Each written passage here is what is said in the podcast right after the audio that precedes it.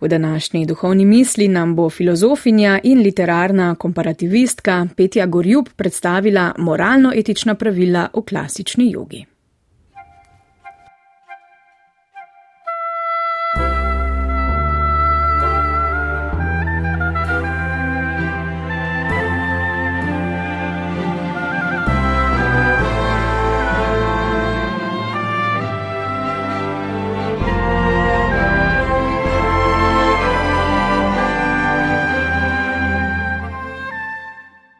Moralno-etična pravila v jogi predstavljajo pogoj duhovnemu napredku ter vključujejo prečiščenje telesa in zavesti.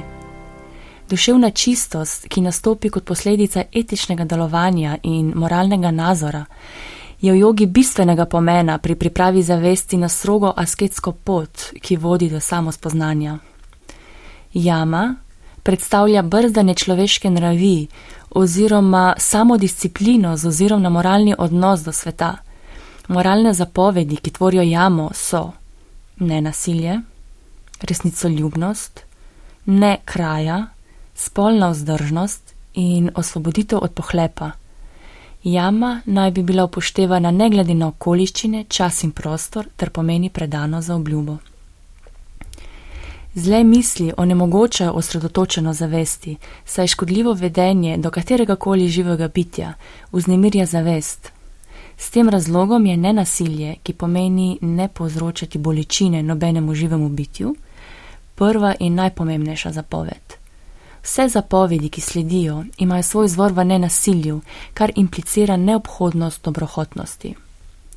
Če jama zapoveduje, kako naj se človek obnaša v odnosu do okolja, nijama narekuje pravilno ravnanje v odnosu do sebe in pomeni izpolnjevanje dožnosti ter samodisciplino.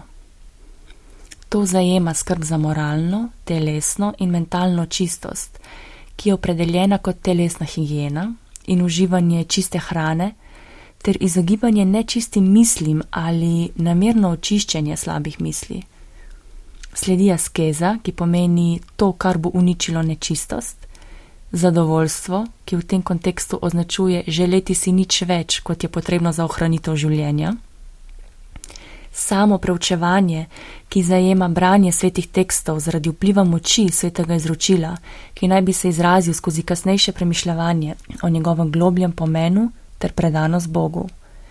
Ta pomeni glavno spodbudo na naporni poti, ki terja neomajno osredotočenost in pokončnost. Smisel etičnega in moralnega delovanja je torej v lastnem duhovnem razvoju in ne v nekakšni zunanji motivaciji. Ker to vrstna drža od nas pogosto zahteva trud in disciplino, joga predlaga, da neprimerne misli zavrnemo z gojenjem nasprotnih misli.